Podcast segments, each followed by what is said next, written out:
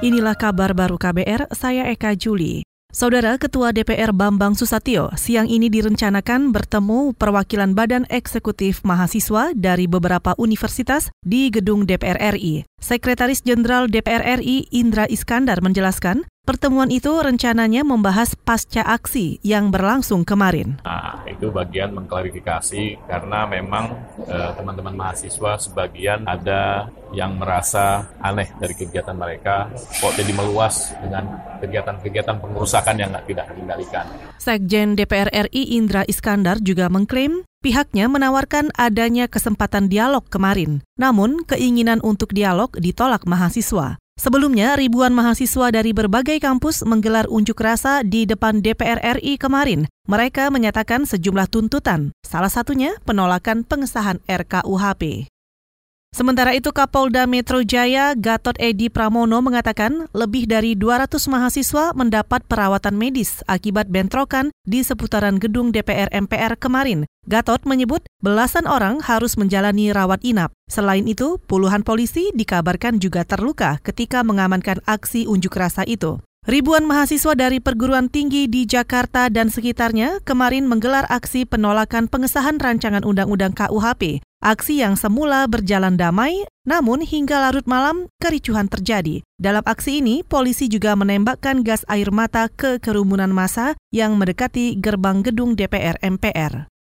Masih soal aksi unjuk rasa, Kepolisian Jawa Barat menetapkan empat tersangka dalam aksi demonstrasi menolak RKUHP di depan gedung DPRD Jawa Barat kemarin. Juru bicara Polda Jawa Barat Truno Yudo Wisnu Andiko menjelaskan, seluruh pengunjuk rasa telah dilakukan pemeriksaan narkoba dan pendataan identitas. Empat lagi kita lakukan proses penyidikan ya dan juga penahanan karena kita jadikan tersangka. Kenapa? Yang empat ini terindikasi positif menggunakan narkotika ya baik itu jenis ganja dan juga jenis uh, benzo. Itu tadi juru bicara Polda Jawa Barat Truno Yudo Wisnu Andiko. Sementara itu dalam aksi kemarin, Polda Jawa Barat menangkap puluhan demonstran penolak rancangan undang-undang. Juru bicara Polda Jawa Barat, Truno Yudo juga menegaskan akan memeriksa keterlibatan tersangka pada aksi kemarin. Dan untuk mengetahui status kemahasiswaannya, polisi akan memeriksa ke masing-masing universitas.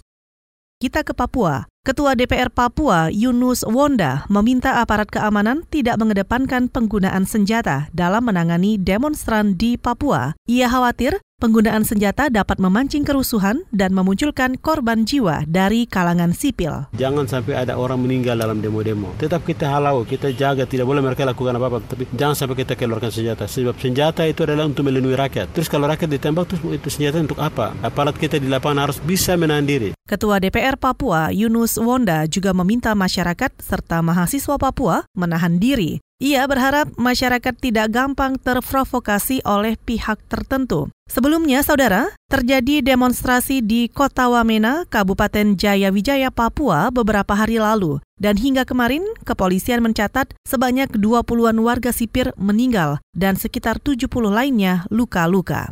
Saudara, demikian kabar baru, saya Eka Juli.